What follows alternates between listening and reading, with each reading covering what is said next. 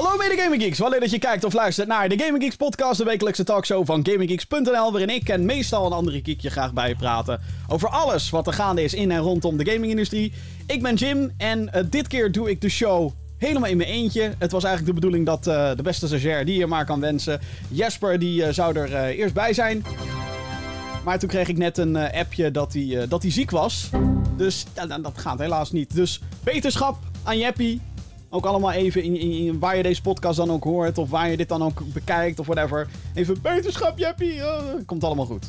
Het zal niks ernstigs zijn. Hoop ik. Dus dit is de 106e aflevering van deze podcast. Um, datum van opname is 24 november 2019.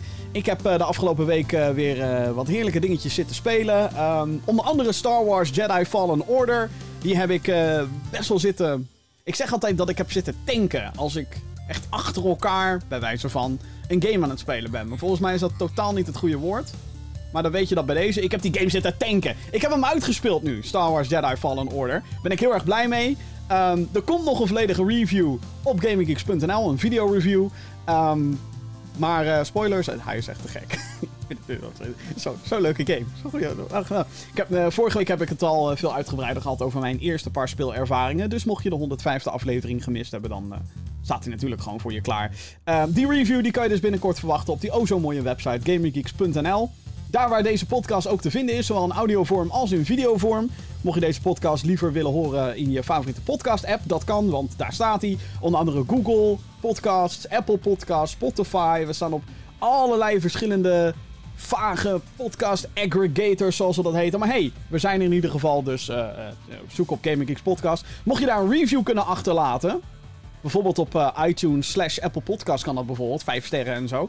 Doe dat dan ook. Dat helpt ons enorm in onze algoritmes en in de hitlijsten van de podcast, gaming podcast van Nederland. Vind ik leuk. En de videoversie die is te vinden op youtube.com slash. En zoals gezegd, alles op één plek. GamingGeeks.nl Goed, uh, wat heb ik dan wel zitten spelen afgelopen week? Uh, behalve Star Wars Jedi Fallen Order. Een game waar ik het nog niet uitgebreid met je over heb, over kunnen praten. Um, dat is een game... Kijk, weet je, je hebt, games en die, die, verdeel ik vaak uh, als ik het aan het spelen ben in een bepaalde categorie. Je hebt natuurlijk games die vind je helemaal fantastisch. En die raad je aan iedereen aan, ongeacht wat het is. Hè, Resident Evil 2 Remake-up aanraden. Star Wars Jedi Fallen Order zou ik heel veel mensen aanraden. Behalve als je echt Star Wars haat of zo. Dan wellicht niet, maar dat is dan logisch, denk ik. Maar um, Bioshock moet iedereen spelen. Weet je, Half-Life 2 moet iedereen spelen. Hint, hint naar wat straks komen gaat in de show. Um, en dan heb je natuurlijk ook games, hè, dat is dan het tegenovergestelde. Dat zijn hele slechte games. Die moet niemand gaan spelen, moet niemand zijn geld aan gaan uitgeven. Bla bla bla bla bla. Klote zooi is het. Hè, die, die heb je ook, natuurlijk heb je die. Maar dan is er ook een soort tussencategorie. Een categorie Waarbij die ik niet heel vaak meer tegenkom. Het is tegenwoordig toch wel een beetje het een of het ander. Maar niet met een andere shooter die ik heb zitten spelen afgelopen week. Uh, het is een uh, game die is gebaseerd op een van mijn favoriete filmfranchises aller tijden. Als het alleen maar omdat de eerste twee films geweldig zijn. Um, namelijk rond de release van de nieuwste Terminator movie. Arnold. Uh, Dark Fate heet die nieuwe film. Ik heb hem trouwens ook gezien, die nieuwe film. Ik zal er heel kort over zijn. Het was niet zo slecht als dat ik dacht, de film. Het is alleen dat het, uh, ja... Waarom moet je nog een vervolg gaan maken op Terminator 2, weet je wel? Dat, dat kan je afvragen sinds dat Terminator 3 uitkwam. Maar goed, whatever. De film had veel beter gekund. Is niet het allerslechtste ooit. Whatever. Maar er is dus ook een spel uitgekomen. Een game.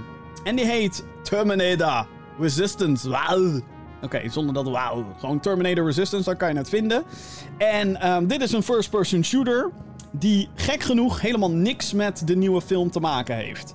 Want uh, de nieuwe film speelt zich af in een alternatieve tijdlijn. Um, want ja, als je de Terminator films hebt gezien, dan weet je dat na deel 2 is zeg maar de hele toekomst die in de eerste paar Terminator-films wordt neergezet. Dat hele dat Skynet en de robots hebben alles overgenomen, bla bla bla. Terminator 2 heeft daar een einde aan gemaakt. En in Dark Fate spelen ze daarop in. Deze game speelt zich af in the future. De toekomst dat de wereld dus inderdaad naar de kloten is door een nucleaire oorlog die is geïnitieerd door Skynet. Een, een AI die ontwikkeld is door de mensen om ons te helpen, maar uiteindelijk ja, het tegenovergestelde deed en ons zag als een bedreiging. En dus zijn allemaal robots en daar komt dan Arnold Schwarzenegger in voor en dat, dat, dat, dat soort dingen. Deze game is gemaakt door een Poolse studio die ehm, eerst een game had gemaakt, Rambo. En dat was echt een klote spel, schijnt. Ik heb hem zelf niet gespeeld. Maar ehm, daardoor had iedereen natuurlijk al meteen ook zoiets van... Deze game, what the fuck, weet je waarom, waarom, gaan de, waarom is de Terminator-licentie überhaupt aan deze gasten gegeven? Maar goed, whatever. Um, ik heb hem zitten spelen dus. En het is in feite dus een first-person shooter. Uh, niet on rails, je kan gewoon rondlopen. Want die Rambo-game was dat je niet kon rondlopen. Dat was een beetje zo'n arcade-achtige game. Hier kan je gewoon rondlopen. En um, ja, wat doe je voor het merendeel? Je schiet natuurlijk die gekke robots kapot. En dan niet alleen maar de, de endoskeleton van, van Arnold. Maar ook uh, alle allerlei andere kleinere versies of, of vliegtuigjes of drones die gemaakt zijn door Skynet. En um, dat doe je in, in, uh, in bepaalde open levels. Dus je krijgt vaak een, een, gebied, daar moet je naartoe. Dan moet je bepaalde objecten voltooien. Uh, vind bijvoorbeeld dit item of schakel deze Skynet compound, schakel dat uit. En daartussen krijg je vaak ook nog zijmissies van... Oh, help, ik heb mijn... Weet ik veel, mijn favoriete t-shirt heb ik ergens laten liggen. Kan jij dat gaan pakken? En dan zeg jij natuurlijk als nobele future soldier... zeg jij, natuurlijk doe ik dat voor jou. Uiteraard. Dus, um, ja, ik, ik, ik, ik, heb het zitten spelen en... en het, het is zo'n game. Daar. Je kan alle aparte elementen. zou je compleet af kunnen kraken. Ik kan zeggen: het schieten werkt niet zo heel lekker. Dus het is kut. Um, de, de AI van de vijanden. Wat heel ironisch is aangezien Skynet een AI is. Maar goed, whatever. De AI van de vijanden is echt gewoon debiel. Uh, de, de voice acting is oké. Um, de, de, de omgevingen, het is absoluut niet de mooiste game ooit. Sterker nog, je zou kunnen denken, is het een PS3-titel? En ik, ja, dit had waarschijnlijk op de PlayStation 3 gekund zonder bepaalde effecten. Um, zo is bijvoorbeeld de Field of View op PC is gelokt naar, nou ik weet niet wat deze Field of View is. Maar het is in ieder geval geen, uh, het is in ieder geval geen 90 of zo. Um, dus er zijn heel veel elementen die hartstikke kut zijn. De animaties, nou ja goed, van alles en nog wat. Het is hartstikke kut. Maar, alles bij elkaar genomen, moet ik zeggen dat ik dit dus echt wel een heel erg leuk spelletje vond. Tot dusver. Ja, vond, ik heb hem nog niet uitgespeeld, maar volgens mij ben, begin ik nu al richting het einde te komen. Maar, um, ik, ik merk gewoon dat deze game, ondanks een waarschijnlijk heel gelimiteerd budget en gelimiteerd talent dat hier, dat, dat dit met heel veel liefde in elkaar is gezet. En dan een liefde voor de Terminator franchise die we al een hele tijd niet meer hebben gezien. De grap is ook is dat heel, er zijn inmiddels heel veel Terminator games gemaakt. Er zijn uh, nou, natuurlijk de, de games direct gebaseerd op de films. Uh, ik kan me nog herinneren dat ik tien jaar geleden... Jezus, die film weer tien... Ja. Terminator Salvation had ik toen op de Xbox 360 gespeeld. Nou, dat was ook een saai spel, weet je al. Terminator 2 op de Super Nintendo heb ik nog steeds trauma's van. En zeker als je het in die context bekijkt, valt Terminator Resistance reuze mee. Maar het zijn gewoon al die kleine. Al die kleine homages, al die kleine tidbits. En gewoon het feit dat deze game de Terminators weer dreigend maakt. Bedoel, je hebt vijanden die zijn heel makkelijk uit te schakelen. En die kan je sterker nog, die kan uitschakelen met normale wapens. Maar de eerste missie waarin je bijvoorbeeld die endoskeletons van, van, van, van Arnold tegenkomt, of de T-800 voor de Terminator fans onder ons. Die, die, ja, gewoon die iconische, die mensachtige robots. Met die rode ogen, die. Zodra je die tegenkomt, um, voor het eerst is het niet zo dat je ze allemaal maar kan neerknallen. Want ze zijn heel erg sterk. Het is alleen in een hele actievolle missie dat je een plasma rifle krijgt. Dat je eindelijk een kans krijgt tegen die gasten. En dan alsnog moet je heel erg in cover gaan staan. En niet gewoon voor ze gaan staan. Want ze maken je echt helemaal kapot. En het is die animaties dat ze ook heel traag blijven rondlopen. En ook al worden ze neergeflikkerd door een granaat, dan staan ze super langzaam op. En dat soort dingen is echt te gek. Plus dat natuurlijk de game zit vol met uh, dikke knipogen naar de films en zo. En het al geheel, het gehele product, is eigenlijk best speelbaar. En eigenlijk best wel dat ik dacht, nou, ik vind het wel, wel, wel grappig, wel geinig, wel leuk. Ik blijf dit gewoon doorspelen. Gewoon omdat het kan. Nee, dan ga ik straks alweer een potje Call of Duty doen. Ik ga eerst gewoon een, een missie in Terminator Resistance doen. Dus ja, het is een, in die zin een hele aparte game. Het is een game die ik uh, dus ook echt niet snel zou aanraden aan nou, normale.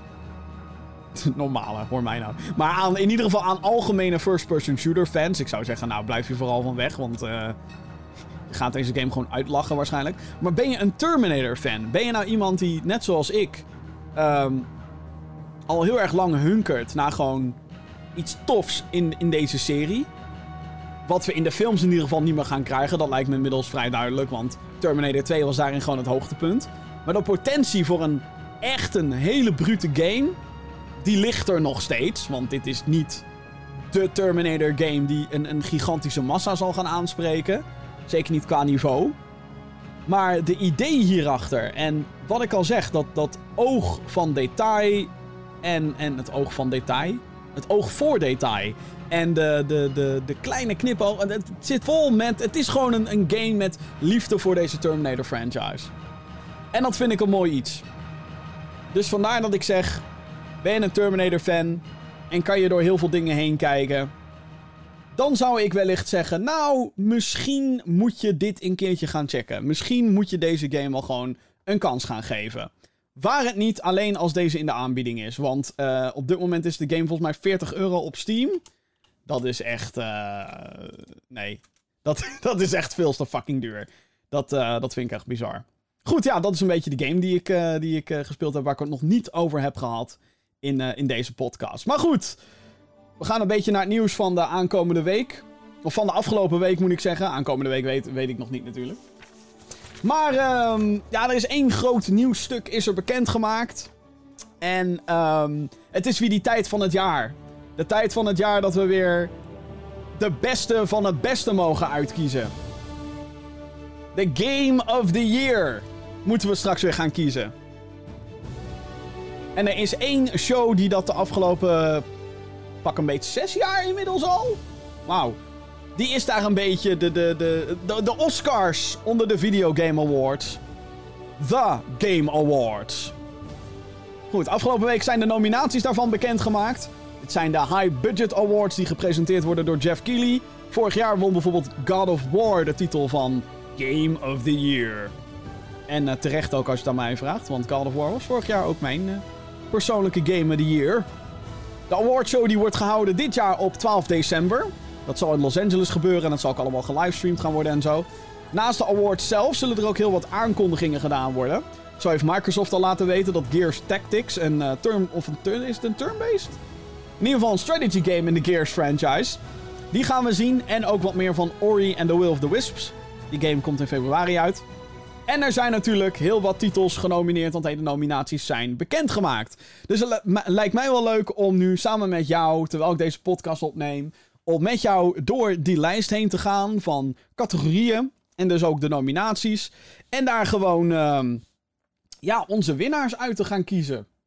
Want ja, het hoort er toch een beetje bij, vind ik dan. Dus ja, oh ja, voor, voor, maar voordat ik daaraan begin, moet ik uh, een kleine disclaimer roepen in deze show. En dat is namelijk dat ik um, werk voor een bedrijf dat de PR doet voor Private Division. Private Division, dat is een uitgever uh, van uh, The Outer Worlds onder andere. En die is enkele keren genomineerd. Dus dan weet je bij deze alvast dat ik waarschijnlijk daarop ga stemmen. Want ik ben hartstikke bi unbiased, not. Dus. Anyway, laten we gaan naar de Game Awards en naar alle categorieën. De eerste categorie is VR slash AR game. For the best game experience playable in virtual or augmented reality, ir irrespective of platform. Wat dat laatste betekent, geen idee. Volgens mij maakt het, uh, maken ze ervan. Uh, maakt niet uit welk platform het is, als het maar VR of AR is. Goed, uh, de, de, de, genomineerden zijn Asgard's Wrath, Blood and Truth, Beat Saber, No Man's Sky, opvallend, en Trover Saves the Universe. Die laatste game is trouwens gemaakt door um, de guy achter Rick and Morty. Ja, dat. Goed, uh, als ik hier een winnaar uit moet kiezen. Uh, lijkt voor mij lijkt mij deze vrij obvious. En ik denk ook dat deze de, de categorie gaat pakken. En als Beat Saber. Beat Saber is een game. Dan sla je in virtual reality met twee lightsabers door, door, door muziekblokken heen. En die komen op het tempo van de muziek komen die op je af. Beat Saber is gewoon de killer game op dit moment. Dit is de VR-game. Dus ja, ik zeg bij deze Beat Saber, vote now. Ik heb gevote voor Beat Saber. Gaan we naar de volgende categorie: Strategy Game. Best game focused on real-time or turn-based strategy gameplay, irrespective of platform. Oké. Ja, lijkt me logisch. Strategy. Uh, genomineerde Age of Wonders Planetfall. Van een Nederlandse studio, by the way. Anno 1800. Fire Emblem Three Houses. Total War Three Kingdoms. Uh, Tropico 6 en Wargroove. nu moet ik hier heel eerlijk uh, bij bekennen dat ik van deze categorie slechts één game gespeeld heb. Dus dat, daar ga je al, zeg maar. Dat is wel lastiger van dit soort awards altijd. Dat je nooit weet. Hè, je kan nooit alles gespeeld hebben. Dus daarop stemmen is dan ook een beetje een populariteitswedstrijd. Dat gezegd te hebben, ik ga stemmen op Wargroove. Dit is eigenlijk een soort uh, Fire Emblem meets Advance Wars. Uh, maar dan gemaakt door een indie studio. Super charmant. Hartstikke leuk. Um, en uren aan content. En volgens mij kan je zelfs je eigen levels maken in deze fucking game. Hoe fucking vet is dat? Eigenlijk zijn alle games in deze lijst. Als ik moet uitgaan van reacties die zijn, die zijn gekomen en de reviews en zo. Allemaal top, maar. Ja, ik heb er eentje gespeeld en dat is Wargroove. Dus dat is mijn. Uh, mijn vote. Dan gaan we naar Sports slash Racing Game. Voor de best traditional en non-traditional sports and racing game. Joh. Genomineerden zijn Crash Team Racing Nitro Fueled, Dirt Rally 2.0, eFootball Pro Evolution Soccer 2020, F1 2019 en FIFA 20. Welke gaat deze winnen? Als ik moet... En dat is trouwens ook een verschil tussen wat ik denk dat gaat winnen en waar ik op ga stemmen. Ik denk dat hier FIFA 20 wel gaat winnen, toch? Lijkt, lijkt mij althans vrij logisch. Maar ik ga stemmen op Crash Team Racing Nitro Fueled. Omdat dat wederom de enige game is in deze lijst die ik gespeeld heb. En ik vind hem oprecht heel leuk. Ondanks de bullshit microtransacties die er later in zijn. Ah, Activision stopt daarmee. Volgende, Score and Music. For outstanding music inclusive of score, original song and or licensed soundtrack. Huh? Genomineerden zijn Cadence of Hyrule, Death Stranding, Devil May Cry 5, Kingdom Hearts 3 en Sayonara Wild Hearts. Hmm. Ik heb hier dus um, twee van de vijf genomineerden heb ik gespeeld. Namelijk Death Stranding en Devil May Cry 5. Nu moet ik wel zeggen dat ik beide nog niet heel veel gespeeld heb. Dus uh, ik kan hier best wel... Ik vind wel de soundtrack van Death Stranding, wat ik tot nu toe gehoord heb, vind ik wel echt te gek. Maar die geremixte Zelda-deuntjes in Cadence of Hyrule... Ik heb die game nog niet gespeeld. Maar die soundtrack is zeker tot mijn oren gekomen. Klik. dat is mijn vote. Cadence of Hyrule. Fantastisch. Maar ja, goed. Role-playing game, volgende categorie. For the best game designed with rich player character customization and progression, including massively multiplayer experiences. Genomineerden voor uh, best RPG zijn Disco Elysium, Final Fantasy 5, of sorry, 14. Lol. Ja, want er kwam een expansion vooruit. Oké. Okay. Kingdom Hearts 3, Monster Hunter World Iceborne en The Outer Worlds. Um, ik vind dit, wat, wat ik tof vind aan deze categorie, is dat er ten eerste twee games genomineerd zijn omdat ze, uh, omdat ze een expansion hebben gekregen. Final Fantasy XIV en Monster Hunter World. Uh, ik hoor ook zulke lovende reacties over Monster Hunter World. Dat is echt ongekend. Ik, misschien is dat zo'n game die ik misschien wel zou willen spelen. Disco Elysium hoor ik ook super veel goede verhalen over. En dat is een indie titel, dus dat zou eigenlijk up my alley moeten zijn. Maar goed, die Outer Worlds is genomineerd. Uh, en ik moet. Ik bedoel, nogmaals wat ik zeg. neem, neem alles wat ik zeg rondom de Outer Worlds. Of waar de Outer Worlds in genomineerd is. Neem dat met, neem dat met een dikke korrel zout. Echt waar. Maar um, ik vind die game wel echt heel erg goed. De, de, de, het schrijfwerk erin, man. En het feit dat ik, ik. Ik heb laatst bijvoorbeeld heb ik die game gespeeld. En het is zo'n RPG. Je kan schieten. Maar je kan ook gewoon gerust een uur lang allerlei quests doen zonder ook maar één kogel af te vuren. En het is me gelukt. En normaal ben ik wel iemand die snel de trekker overhaalt, weet je wel? Goed, lijkt me vrij duidelijk waar mijn stem naartoe gaat. Woe. Performance. Best performance. Awarded to an individual for voice-over acting, motion and or performance capture. Oftewel, wie heeft de beste rol vertolkt in videogames? Of wie doet hè, beste acteur slash actrice? Basically.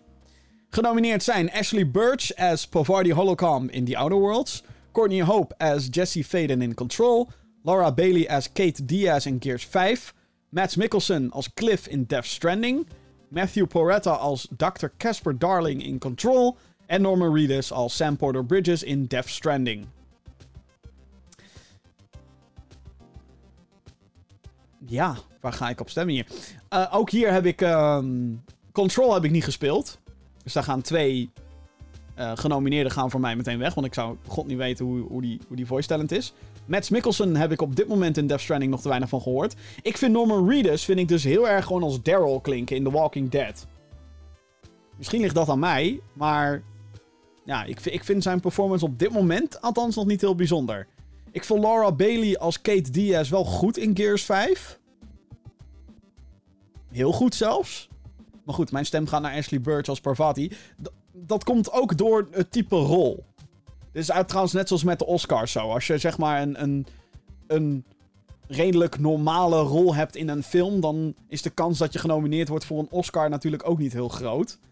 En van de characters die ik althans allemaal gehoord heb, is Pavarti in The Outer Worlds echt wel een heel opvallend personage. Qua, qua karakter zelfs. En nou ja, goed, dat zij dat dan goed tot leven brengt. Props daarvoor. Uh, nogmaals, Outer Worlds, dus neem alles wat ik nu zeg met een korrel zout, maar gestemd. Best Ongoing Game. Awarded to a game for outstanding development of ongoing content that evolves the player experience over time. Oftewel, dit zijn games die um, al een tijdje gaan en blijven gaan. Live services worden ze heel vaak genoemd. Genomineerden zijn Apex Legends, Destiny 2, Final Fantasy XIV, Fortnite en Tom Clancy's Rainbow Six Siege. Hmm. Wat ik hier opvallend aan vind, is uh, dat Apex Legends dit jaar is uitgekomen. Dus, uh, en de rest uh, in deze lijst niet. Nu heeft Destiny 2 wel een nieuwe expansion gekregen en zo. Is van, en is naar free-to-play gegaan bijvoorbeeld. Fortnite vind ik nog steeds heel indrukwekkend hoe ze dat doen. Met die gekke Chapter 2 en, en alle hype eromheen en al die dingen die er maar in gebeuren. Er gebeurt zoveel in Fortnite. Ik vind dat super knap. Um, Apex Legends is dit jaar uitgekomen en heeft sindsdien ook een nieuwe map en zo toegevoegd en nieuwe characters en zo. Final Fantasy XIV heeft gewoon een nieuwe expansion gehad. Ik denk dat ik ga stemmen op Fortnite en ik heb ook zo'n... Ik heb, ik heb alleen het vermoeden dat Destiny 2 gaat winnen. En dat komt omdat Destiny 2 Hè, die zijn losgebroken van Activision. Dus er zijn nu. Uh, Bungie is nu op hunzelf. En ik denk dat dat zeg maar een mooi verhaal is die mensen willen horen. En dus gaan ze stemmen op Destiny 2. Of ze stemmen gewoon net zoals ik op Fortnite en dan pakt Fortnite hem. Ik denk dat als we puur en alleen moeten kijken naar gewoon hoe blijft een game in leven, dat Fortnite dat dit jaar het beste heeft geprobeerd. Je kan dan natuurlijk zeggen, ja, maar vorig jaar was het veel meer hype. Ik denk dat dat ook geldt voor Destiny 2, heel eerlijk. En Apex Legends kwam uit, dus daar kan je het niet meer vergelijken. Tom Clancy's Rainbow Six Siege is natuurlijk wel de hele tijd in leven gebleven, maar ik weet niet of dat nou uitzonderlijk is geweest dit jaar. Die is volgens mij alle jaren dat hij is uit geweest, is hij genomineerd geweest. Net als Destiny 2. Probably. Goed. Volgende categorie. Best Narrative. For Outstanding Storytelling and Narrative Development in a Game. Oftewel, beste verhaal. En verhaalvertelling en dat soort dingen. Hier moet ik ook weer... Uh, hier is de Outer Worlds weer genomineerd. Van Private Division en Obsidian. Disco Elysium is ook genomineerd. Death Stranding, Control en A Plague Tale Innocence. Ja, ik heb, Control is dus voor ontzettend veel uh, dingen genomineerd. Ik heb hem niet gespeeld. En heel veel mensen hebben die game niet gespeeld. Die game is eigenlijk best wel geflopt qua verkoop. Heb ik het idee. Hij stond in geen enkele hitlijst van geen enkel platform. Hm. En dat is een groot probleem voor die game. Zeker bij dit soort awards, want... Hè, ik bedoel, ik ben, as we speak, ben ik aan het stemmen. Dus um, dat, uh, dat wordt wel een probleempje. Ik vind Death Stranding, het plot van Death Stranding, vind ik op dit moment super boeiend. Echt super boeiend. Ik wil door blijven spelen. Maar wat tof is aan The Outer Worlds, Sorry, ik weet het. Ik ben biased, hartstikke. Ik zal het ook nooit ontkennen. Maar ehm, in de Outer Worlds bepaal je dat plot zelf uh, voor, een, voor een deel. En dat, dat vind ik zo tof. Dus uh, ja, misschien een beetje... Trouwens ook de game die ik het meest gespeeld heb dit jaar van alle genomineerden. Dus dat. Best Multiplayer Game. For outstanding online multiplayer gameplay and design, including co-op and massively multiplayer experiences, irrespective of game genre or platform. Opvallend dat hier staat voor outstanding online multiplayer gameplay. Alsof couch, co-op en gameplay dan even van de baan is of zo. Vind ik gek. Persoonlijk. Maar goed, genomineerden zijn Apex Legends, Borderlands 3, Call of Duty Modern Warfare, Tetris 99 en Tom Clancy's The Division 2. Um, welke gaat hierin? Ik, ik, ik denk dat Tetris 99 wel echt een hele grote kans heeft om, uh, om te winnen in deze. En dat heeft te maken met dat ik. Er zijn zoveel fans van dat spelletje, Tetris 99 op de Switch. Dat is wel echt. Uh, heel veel positieve verhalen. Uh, mijn stem gaat naar Borderlands 3. En de reden waarom is omdat het gewoon super leuk is om die game met meerdere mensen te spelen. Uh, maar ook omdat die game alles scaled. Dus als ik level 50 ben en mijn, uh, mijn mattie die met mij mee wil spelen is level 30, dan zou je denken: oh, dus die kan sowieso niet bij mijn game joinen. En als ik zijn game join, dan verveel ik me de pleuris, want ik one-shot alles, want ik ben 20 levels hoger. Nou, er zit dus een systeem in Borderlands 3, dit kan je uitzetten. Dat vind ik dus ook mooi dat die keuze er is. Um, maar er zit een systeem dat je dan skillt. Dus dan zijn alle vijanden zijn voor mij level 50. Maar voor mijn medespeler zijn ze level 30. En alle loot die gedropt wordt is voor mij ook wederom level 50. En voor hem level 30. Waardoor je dus... En de damage en zo wordt daarin ook gescaled. Dus... Ja, hoe, is daar een Nederlands woord voor? Het wordt in ieder geval gebalanceerd. En dat is super leuk. Waardoor, waardoor je gewoon ongeacht waar je bent in de game, zullen we gewoon dit doen. Ja, maar ik ben dit level. Maakt niet uit. Let's go. Weet je wel, dat, dat vind ik tof. Ik moet wel zeggen dat Call of Duty Modern Warfare ook heel veel toffe gameplay dingen heeft. Maar, of uh, ja, heel, heel veel toffe gameplay mogelijkheden heeft. Laat ik het zo zeggen, de nieuwe Call of Duty. Maar er moet nog echt wat een en ander verbeterd worden, vind ik, aan Call of Duty. Maar ik vind het wel de leukste Call of Duty in jaren. Mobile game for the, for the best game playable on a dedicated mobile device. Kennelijk. Uh, ah ja, nee, de, de Switch is geen dedicated mobile device natuurlijk. Hm. Genomineerden zijn Call of Duty Mobile, Grindstone, Sayonara Wild Hearts, Sky, Children of the Light en What the Golf. Hm. Ik heb geen van deze dingen gespeeld. dus dat maakt het een beetje een uh, uit mijn duim gezogen vote. Ik denk dat Call of Duty Mobile wel veel kans heeft om te winnen. En uh, als ik moet uh, uitgaan van beelden en, en, trailers die ik heb gezien en zo. Eentje die wel geïnstalleerd staat op mijn telefoon. Maar die ik gewoon nog niet heb, gewoon helemaal nog niet, niet heb kunnen spelen. Geen tijd voor. Maar Sayonara Wild Hearts. Die stijl van die game. Is zo vet. Volgens mij is die game trouwens niet alleen op mobile. Dus ik weet niet of dedicated mobile device of dat... Nou ja, goed, whatever. Als Fortnite hier tussen had gestaan, dan had ik waarschijnlijk op Fortnite gestemd. Dus uh, ja, wie ben ik? Independent Game is de volgende categorie voor Outstanding Creative and Technical Achievement in a Game Made Outside the Traditional Publisher System. Ik ben het niet eens met dit statement, by the way. Outside the Traditional Publisher System. Wat is de Traditional Publisher System? Wat bedoelen ze daarmee? En daarnaast, heel veel van uh, heel veel indie games zijn wel gemaakt door een kleine studio, maar zijn allesbehalve independent uitgegeven. Neem bijvoorbeeld een van de genomineerden, Katana Zero. Die is uitgegeven door Devolver Digital. Outer Wilds, ook genomineerd, is uitgegeven door Annapurna. Dus is dat dan... Dat is dan toch wel traditional publisher? Want zij geven het uit, of... of nou ja. Wat bedoelen ze daarmee? Ik snap het niet. Ra rare omschrijving van wat best wel een logische categorie zou moeten zijn. Anyway, genomineerden. Ik heb ze al genoemd. Katana Zero, Outer Wilds, Untitled Goose Game is ook genomineerd. Disco Elysium en Baba Is You. Mijn stem gaat 100% naar Katana Zero. Ik hou van die game. Staat een review op GamingGeeks.nl. Ik uh, raad je heel erg aan om die te bekijken. Fantastische game. Vooral omdat het een verhaal heeft die heel erg tof is. En dat verwacht je niet, want het is een pixel-actie game. En dan ineens een super vet verhaal. Ik hoor overigens ook, en ik denk dat Outer Wilds gaat winnen hier. Niet Outer Worlds, by the way. Outer Wilds is dit.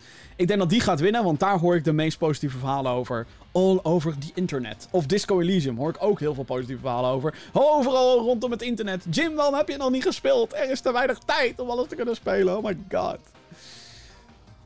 Volgende categorie. Games for Impact. For a thought-provoking game with a pro-social meaning or message. Oftewel, de woke game. Uh, genomineerden zijn Concrete Genie, Gris, Kind Words, Life is Strange 2 en Sea of Solitude. Nou, ik ben Life is Strange fan. En ik vind Life is Strange 2. Dit vind ik lastig ook, omdat ik heb uh, de eerste drie episodes gespeeld, de vierde nog niet. Die bewaar ik een beetje totdat de laatste episode komt. En die komt uh, in december. Eerste week van december, geloof ik. Ik heb daar super veel zin in. Life is Strange. Woo! Uh, en ik vond episode 1 en 2 vond ik leuk. Van Life is Strange 2. Episode 3 was van holy shit. Ja hoor, daar zijn we weer. Life is Strange, welcome back. Weet je wel, hell yeah. Hell to the yeah. Jawel? Dus uh, daarom gaat mijn stem naar Life is Strange 2. En heeft het een toffe, thought-provoking message of zo? Um, ja, eigenlijk wel. Uh, meerdere zelfs, Life is Strange 2. Kijk, wat Life is Strange 2 een beetje door, door je strot wil gooien, is het hele uh, twee jongens op de vlucht. En het feit dat ze van Mexicaanse afkomst zijn en daardoor krijgen ze uh, ja, regelmatig racistische dingen naar een, een, een, een, feest toe geworpen. Maar dat is niet eens zeg maar de message die ik het sterkste vond in het spel. Uh, er zitten allemaal allerlei andere subtiele dingen zitten erin en heel tof. Tot dusver dan. Ik moet episode 4 nog spelen en dan kan hij wachten op episode 5. Holy shit. Volgende, volgende categorie. Game Direction. Awarded for Outstanding Creative Vision and Innovation in Game Direction and Design. Ik vind het een hele rare categorie, want dit klinkt meer als Game of the Year. Maar goed, whatever. Dan gaan we de genomineerden. Control. Death Stranding. Resident Evil 2. Sekiro Shadows Die Twice. En The Outer Wilds. Met een I. Wilds. Mijn vote hierin gaat naar Resident Evil 2. Ik heb nog niet eens heel veel van die game gespeeld. Maar holy shit, wat vind ik het vet. Het is een game die ik nog maar... Ik, serieus, ik heb hem al sinds januari. Ik moet me eigenlijk kapot schamen. Dit, dit wordt een van die games die ik in december, als ik wellicht een paar weken vrij kan nemen, dat ik die dan gewoon kapot ga spelen. Ik heb de Collector's Edition staan, notabene. Maar de paar uur dat ik deze game heb gespeeld, ik weet alles nog. Ik kan er uren over vertellen. En de momenten die erin zaten, zo ontzettend tof. Resident Evil 2. Hell yeah. Dus. Fresh Indie Game. Presented by Subway. Staat hier, hè? Staat hier op de website. Lees er nu gewoon voor wat er op de website van de Game Awards staat. Recognizing a new independent studio that released its first game in 2019. Oftewel, een, uh, een indie game van een begin, begin, beginneling.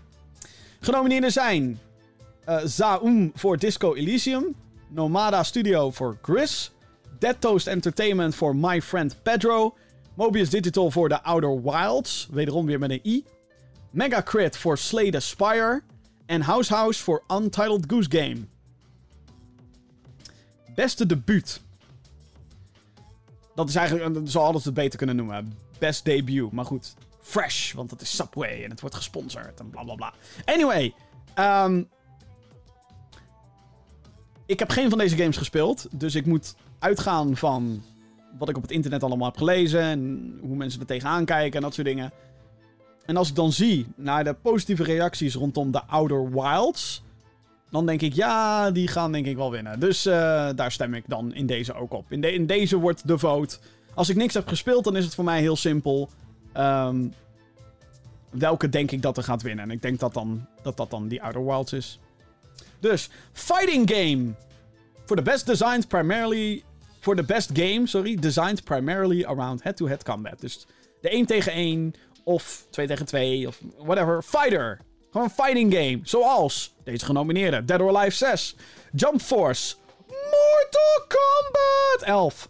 Samurai Showdown en Super Smash Bros. Ultimate. Waar de fuck denk je dat mijn stem naartoe gaat? Natuurlijk gaat hij naar Super Smash Bros. Ultimate. En ik hoor je al denken, maar Jim, die game kwam toch vorig jaar uit? Hoe kan die nou voor 2019 genomineerd zijn? Nou, het zit namelijk zo. Je kan alleen, games mogen alleen maar meedoen aan dat jaar van de Game Awards. Uh, als ze voor een bepaalde tijd zijn gejureerd. Dus de manier hoe de Game Awards werken is dat een, een, een jury van volgens mij uh, 70 Amerikaanse outlets of zo. Die zeggen allemaal: Yo, in deze categorieën vinden wij dat deze uh, genomineerd moeten worden. En dat wordt dan allemaal bij elkaar opgeteld. Dat zijn de nominaties die we nu hebben. En daar kunnen wij dan met z'n allen op stemmen via thegameawards.com. En Super Smash Bros. was nog niet uit toen zeg maar de deadline was voor de Game Awards. Ik bedoel, we denken nu al, wij zijn nu uitgebreid deze nominaties aan het bespreken en aan het stemmen uh, op uh, 24 november.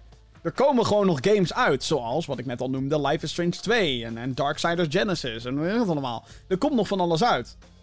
Maar die kunnen dus gewoon niet meedoen. En Super Smash Bros. Ultimate kwam uit mijn hoofd op 8 december uit vorig jaar.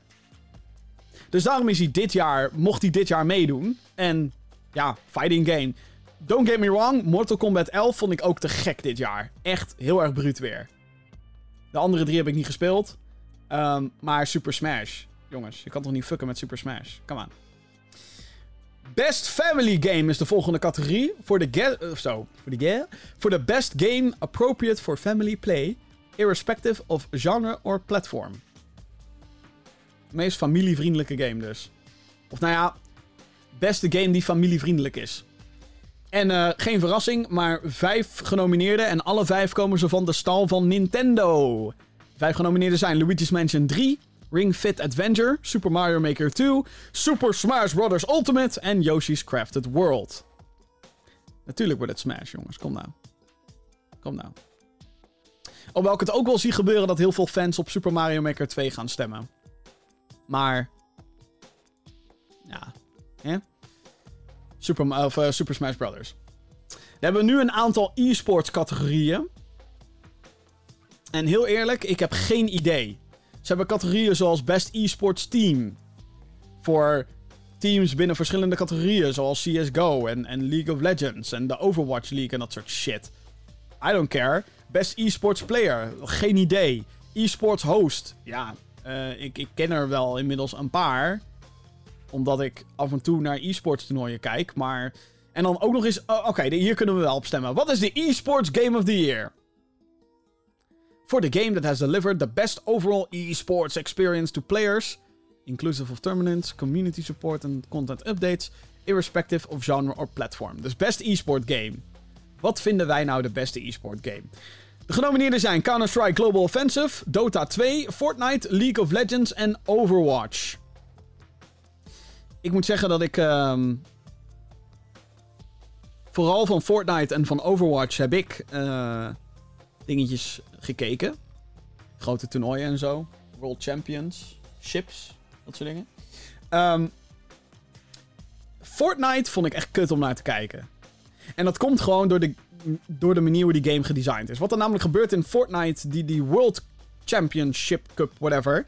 Wat op een gegeven moment gebeurde is... Hè, Fortnite gaat over met z'n allen op een eiland... Uh, de wapens verzamelen, items verzamelen en je kan bouwen. Nou, wat er dus gebeurt in Fortnite is dat mensen dan eerst heel veel... Als een idioot gaan ze items verzamelen en zo. En dan snel hakken, hakken, hakken, hakken, zodat ze al die materialen hebben. En dan zien ze ongeveer op basis van de eerste soort van cirkel waar ze naartoe moeten gaan. Dan gaan ze daarheen, een beetje die richting in, en dan gaan ze zichzelf inbouwen. Inbouwen, inbouwen, inbouwen, inbouwen. That's it. En dan gaat natuurlijk op een gegeven moment wordt die cirkel kleiner van Fortnite. En dat betekent dat er een paar dus moeten moven. En dat is dan het moment waarop eindelijk mensen doodgaan. Maar elke pot was zo van aan het... Zo bouwen elkaar continu alleen maar in. Het is alleen, je, je kan niet eens volgen wat er gebeurt. Het is alleen maar inbouwen, inbouwen, inbouwen. Inbouwen, inbouwen, inbouwen. Oh, iemand schiet. Bouwen. Iemand schiet bouwen. Schieten iemand? Nee, bouwen. Dus alleen maar dat. Vond fucking boring. Overwatch daarentegen vond ik wel tof. Dus daar gaat mijn stem heen. dus. E-sports event, geen idee. Uh, hier skippen we. E-sports coach, geen idee. Waarom zijn er zo fucking veel e-sports categorieën. Oké, dan Content Creator of the Year. For a streamer or content creator who has made an important and positive impact on the industry in 2019. Genomineerden zijn Courage, Dr. Lupo, Ewok, Grefg en Shroud. Wat ik opvallend vind van deze lijst. Ik ken niet iedereen, zeg ik ook alvast bij. Ik weet dat Courage is volgens mij van Twitch naar YouTube overgestapt. Om te streamen. En dit is een beetje mijn probleem. Volgens mij zijn alle genomineerden die ik zojuist noemde, zijn allemaal. Hun primaire ding is streamers. Waar de fuck zijn die mensen die gruwelijk goede content maken op YouTube? Zoals waar ik bijvoorbeeld heel erg fan van ben. Angry Joe. Is die wel eens genomineerd geweest? Geen idee. Um, Young Yeah ben ik groot fan van. Digital Foundry, weet je wel? Waar zijn dat soort... Ja, Digital Foundry is dan misschien een outlet. En die wordt dan uitgesloten van deelname omdat het niet één persoon is.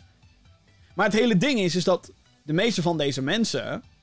Misschien met uitzondering van Young Yeah... Maar Shroud heeft ook een heel team achter zich. En, en uh, Angry Joe ook, weet je wel? Dus dat, ik snap niet waarom dit allemaal fucking streamers zijn. Volgens mij zijn het allemaal streamers.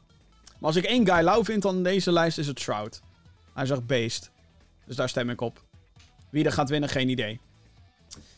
Dan de categorie Best Community Support. Recognizing a game for outstanding community support, transparency and responsiveness. What the fuck is dit voor categorie, jongens? Beste community support. Dat weet je toch alleen maar als je onderdeel bent van die community of die support goed vindt of niet? Hoe kan je daar nou als buitenstaander een oordeel over hebben? Dat vind ik zo raar. Dit zijn echt van die categorieën van. Uh... Ik heb geen idee, namelijk. Ik stem gewoon op Apex Legends, omdat, die, omdat dat Respawn Entertainment is. Omdat dat mijn.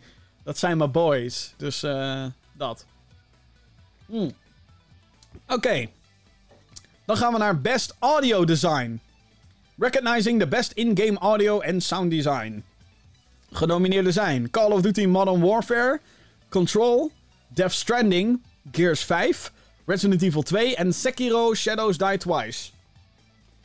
Nou, um, Call of Duty Modern Warfare moet nodig een groot issue oplossen. En dat heeft te maken met voetstappen.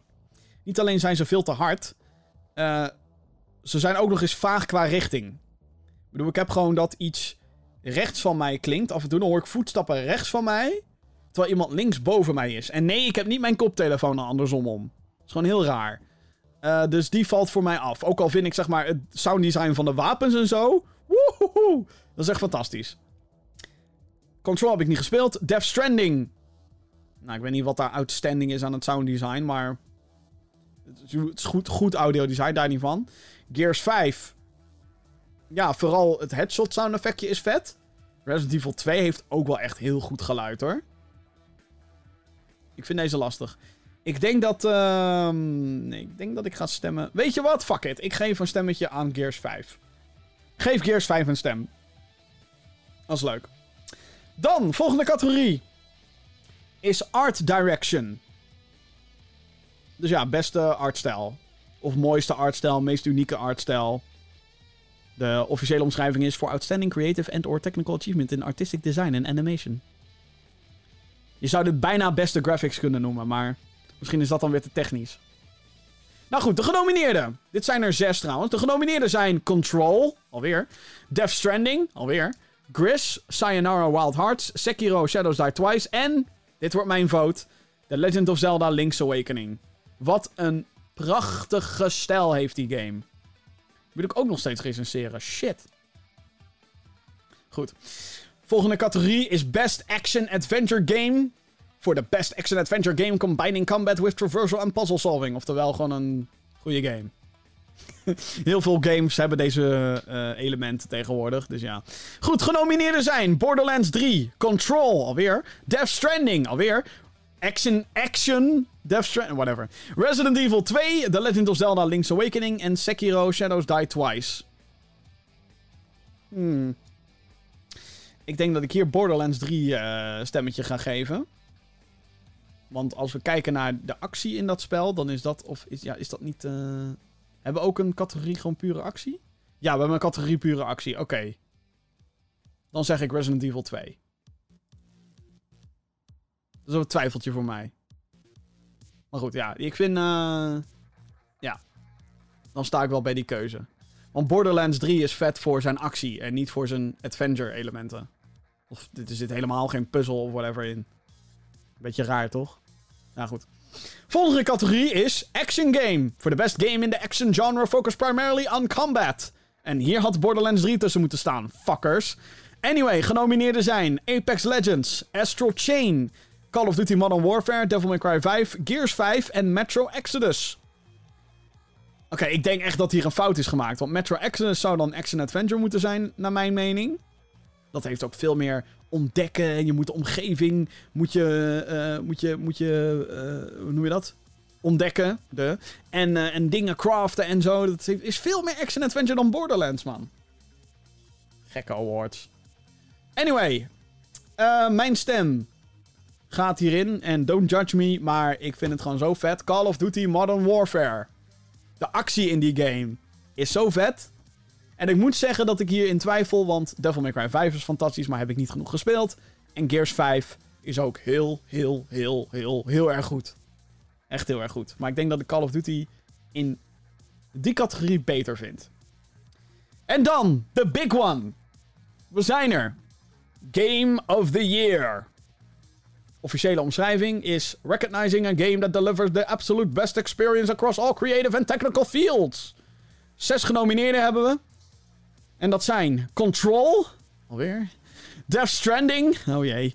Resident Evil 2. Sekiro Shadows Die Twice. Super Smash Bros. Ultimate. En, verrassing, The Outer Worlds. Hmm. Ik vind deze heel lastig. Vooral omdat ik eh, het niet ermee eens ben dat Control is genomineerd. Niet omdat Control mij een slecht spel lijkt of zo, maar.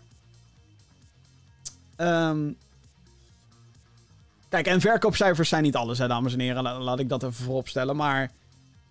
Niemand heeft deze game gespeeld. Helemaal niemand.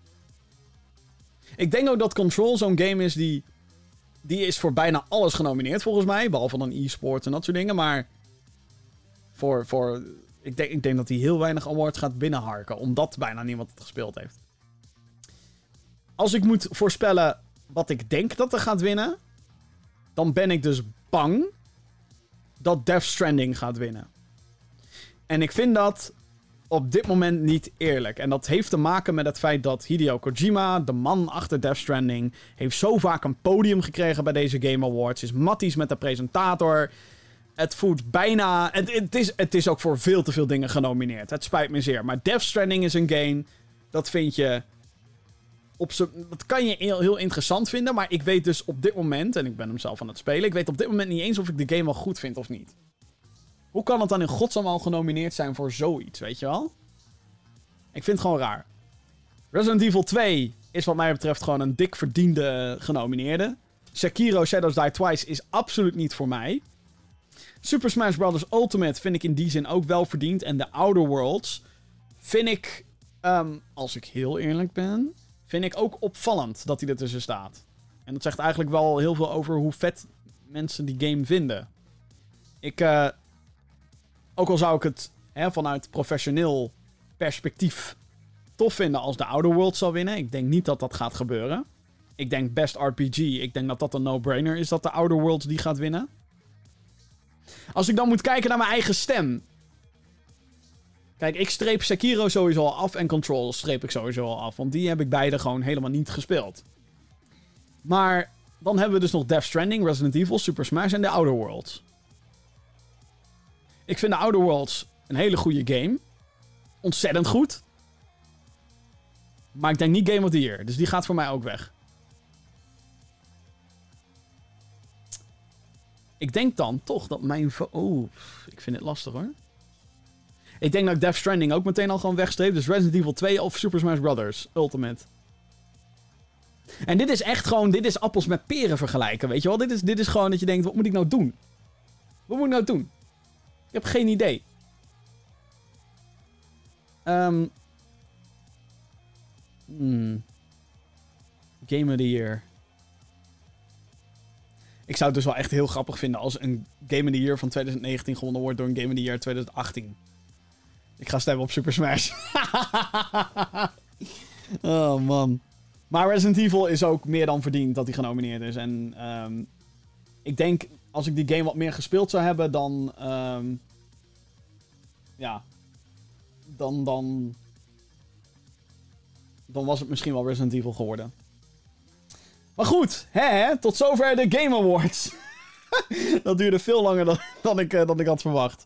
Maar er is zoveel te bespreken bij, bij dit. En dit is natuurlijk één awardshow. En dit zijn ook zeker niet de Gamer Geeks Games of the Year. We gaan zelf ook waarschijnlijk nog wel video's maken over eh, onze favoriete games. Ik heb het hele, jaar, eh, het hele jaar lang heb ik bijvoorbeeld een lijstje bijgehouden met mijn eigen persoonlijke videogame ranking. Elke keer als ik dan weer een spel een tijdje had gespeeld, dan ging ik weer naar die lijst kijken. En dan zat ik zo van, nou, ik vond deze misschien toch wel beter dan die. Of die toch wel beter dan dat, bla bla bla. Dus dat, dat zal voor iedere persoon zal zoiets natuurlijk anders zijn. Ik vind het wel een opvallende lijst. Eh, ik vind het opvallend dat Days Gone bijvoorbeeld nergens tussen staat. Helemaal nergens. Waar de fuck is Days Gone? Zo slecht was die game ook niet, jongens. Fuck off. Als Control overal tussen kan staan? Come on. What the fuck? En Death Stranding staat overal tussen. Ja, ja, ja. Kijk, we weten natuurlijk allemaal dat als Doom Eternal gewoon dit jaar was uitgekomen. Hè, dat die gewoon alles had gepakt. Ja... Dat we- ja, toch. Eh, geintje natuurlijk. Maar goed, ja. de- tot zover de, de, de Game Awards van 2019, dames en heren. Jeetje, Mina. Oké, ehm, ja, er is meer nieuws gebeurd eh, de afgelopen week dan alleen maar die nominaties. Zullen we daar nog even doorheen gaan? Ik denk het wel. Ik denk dat dat wel handig is. Ja, laten we dat doen. Oké, ehm, ja, als eerste... Oh ja, god. Als, we, hebben het, we hebben het al best wel veel over Resident Evil gehad. Maar er is meer Resident Evil nieuws. Volgens YouTuber Spawnwave... Dat, eh, ja, dat.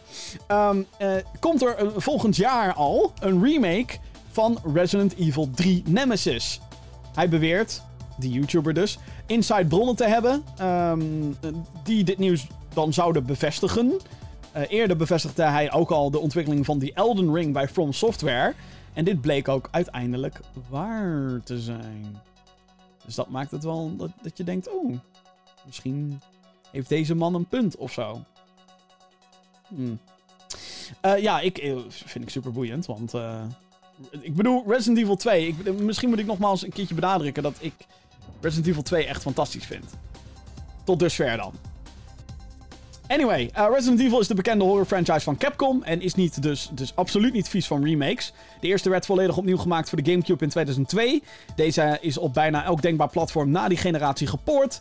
Dus eh, PS3, eh, Xbox 360, eh, Nintendo Switch, eh, PS4, eh, Xbox One. nou goed, kan je die overal vinden. Resident Evil 2 kreeg begin dit jaar dus een remake. Deze versie is al bijna 5 miljoen keer over de toonbank gegaan. De derde Resident Evil kwam van origine uit 19 1999 voor de originele PlayStation. Het verhaal volgt Jill Valentine terwijl zij een weg baant door Raccoon City terwijl ze achtervolgd wordt door Nemesis, een groot zombieachtig wezen. De producer van Resident Evil 2 Remake zei al eerder dat een remake van het derde deel mogelijk is als fans het willen. Nou, weet niet eigenlijk of fans het willen. Tuurlijk wel, mensen willen dit super graag. Maar echt super graag. Mensen die het niet willen, dan zijn ze een beetje helemaal gestoord. Dan, eh, oh man, dit was, dit was ook heel erg groot nieuws. Het grootste, het was, dit was zeg maar het nieuws dat je denkt, hey, zijn alle planeten en sterren op één lijn gekomen? Daar leek het wel op afgelopen week. Er waren eerder al wat lekken en, en toen kwam het er ineens, toen was het van, wat in de... Wat? Valve, het bedrijf dat voornamelijk bekend staat voor het digitale distributieplatform Steam, heeft een nieuwe Half-Life aangekondigd. Oh my god. Het is 12 jaar geleden sinds de laatste game in de serie verscheen. Half-Life 2 Episode 2 uit 2007 dus. Eindigt op een grote cliffhanger die nooit is vervolgd. Half-Life Alex, zoals de nieuwe game heet, gaat hier ook geen antwoord op geven. De nieuwe game speelt zich namelijk af tussen Half-Life en Half-Life 2. Deze nieuwe titel wordt exclusief ontwikkeld voor Steam VR. Wat betekent dat je een virtual reality headset voor je PC moet hebben om überhaupt te kunnen spelen.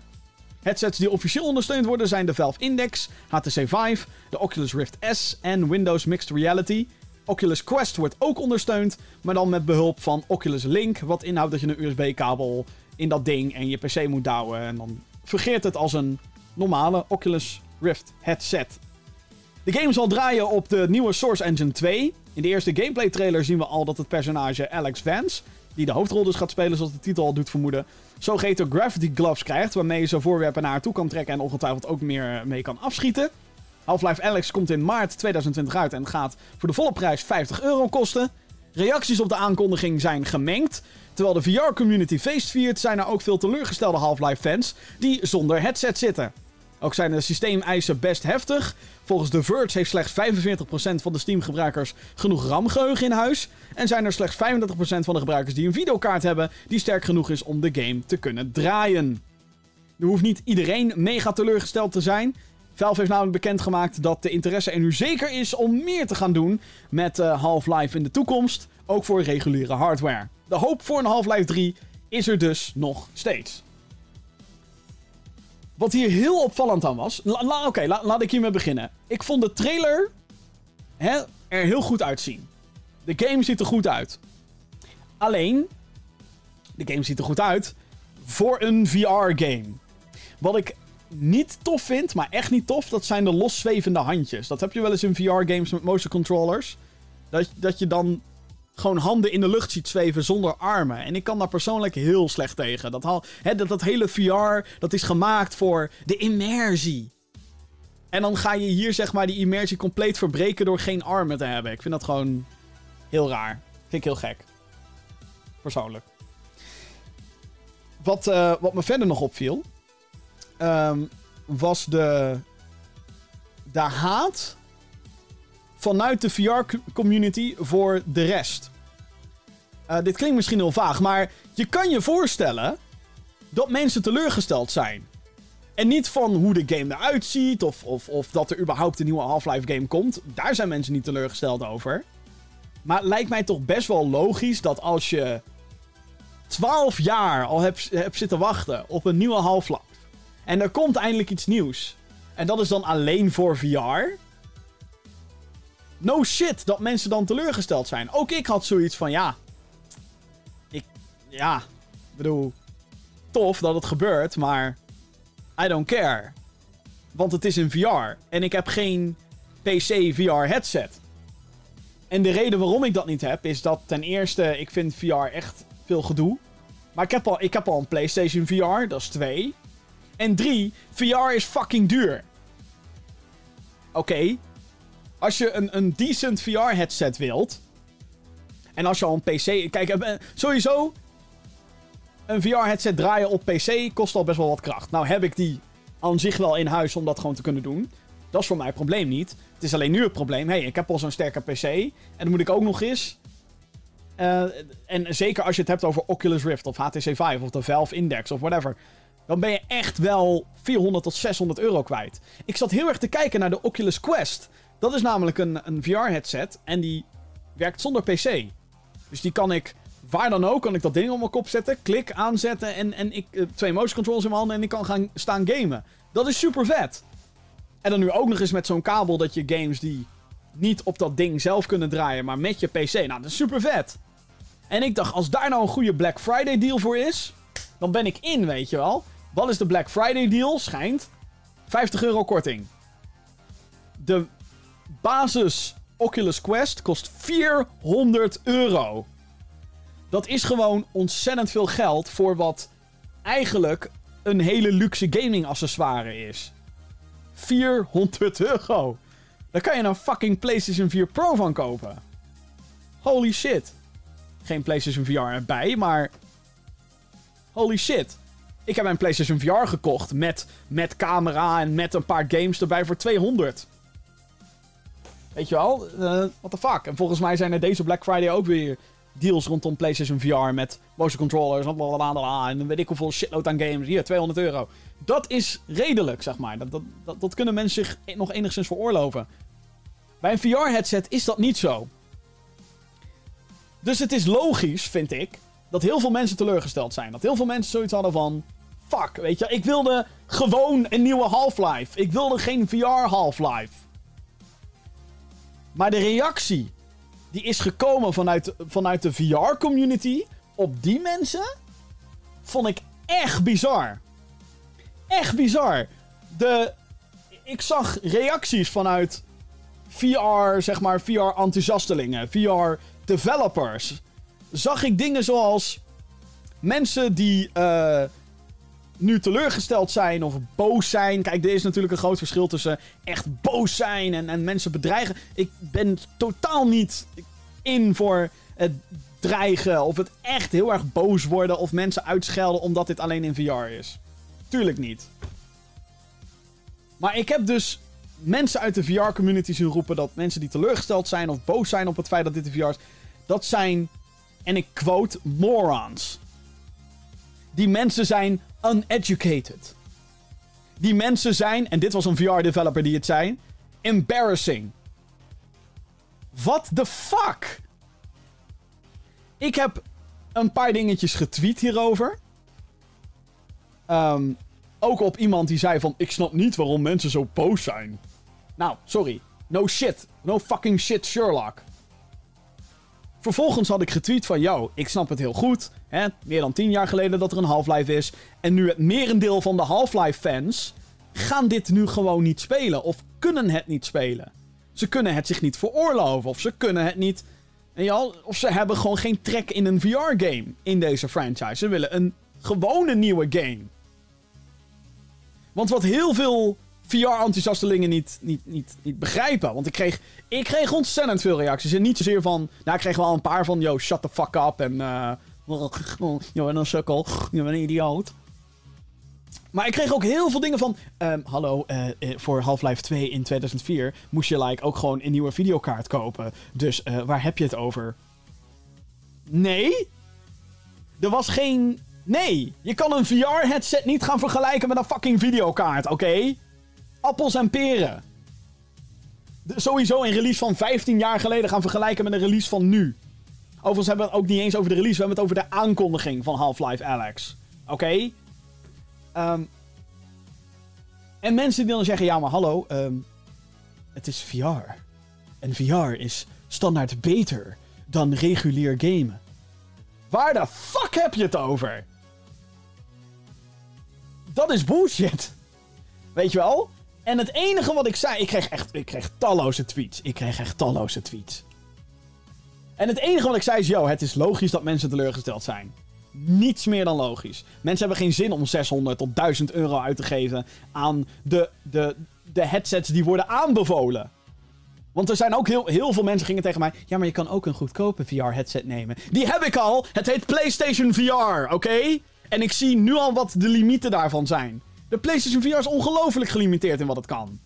Het is nog wel tof en het is VR, maar het is gelimiteerd. Laat staan als ik een 150 euro ding op een PC. Denk je nou echt dat die dingen goed werken? Ik geloof het gewoon niet. Nee, dus wat je vaak wordt aangeraden is... Ja, je moet wel even investeren in zo'n duur pokkending. 600 tot 1000 euro. Sorry, maar ik zou die dan liever spenderen aan inderdaad een sterkere videokaart. Want dan weet ik zeker dat ik ook Cyberpunk daar vet mee kan draaien. En Doom Eternal. En weet ik het wat, whatever de fucker volgend jaar allemaal nog uitkomt. Maar die, de, reacties die ik kreeg vanuit die VR-community was allemaal zo zuur. En zo van, jij snapt het niet. Nee, regulier gamen, wat is dat? Hè? Hoe durf je? Wij zijn hier tenminste wel voor de VR-revolutie heel elitair. Heel erg in een bubbel. En het was bijna. Het, het, het kwam voor mij heel erg over van jullie zijn gewoon zoutig. Dat de mensen teleurgesteld zijn dat het een VR-game is. Wat nogmaals in mijn logica, zeg maar, heel logisch is. Net zoals dat Blizzard Entertainment.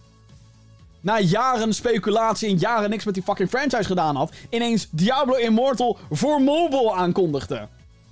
Maar als we dat gaan vergelijken met, met deze aankondiging, dan kunnen ze. Dan is de uitspraak: Do you guys not have phones? bijna legit. Omdat iedereen heeft een telefoon, iedereen kan het spelen. Diablo Immortal zal free-to-play worden. Half-Life Alex, als je dit wil spelen en je hebt een decent PC. Ja, ga maar geld trekken voor zo'n fucking headset. Anders kan je het niet spelen.